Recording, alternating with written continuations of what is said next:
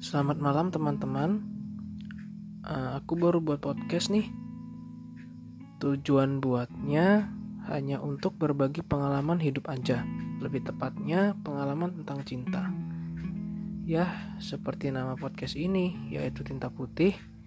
Aku berharap semoga kalian yang mendengar podcastku dapat juga mengukir kisah cinta kalian dengan tinta putih kalian sendiri di dunia yang menurutku sedikit pekat ini.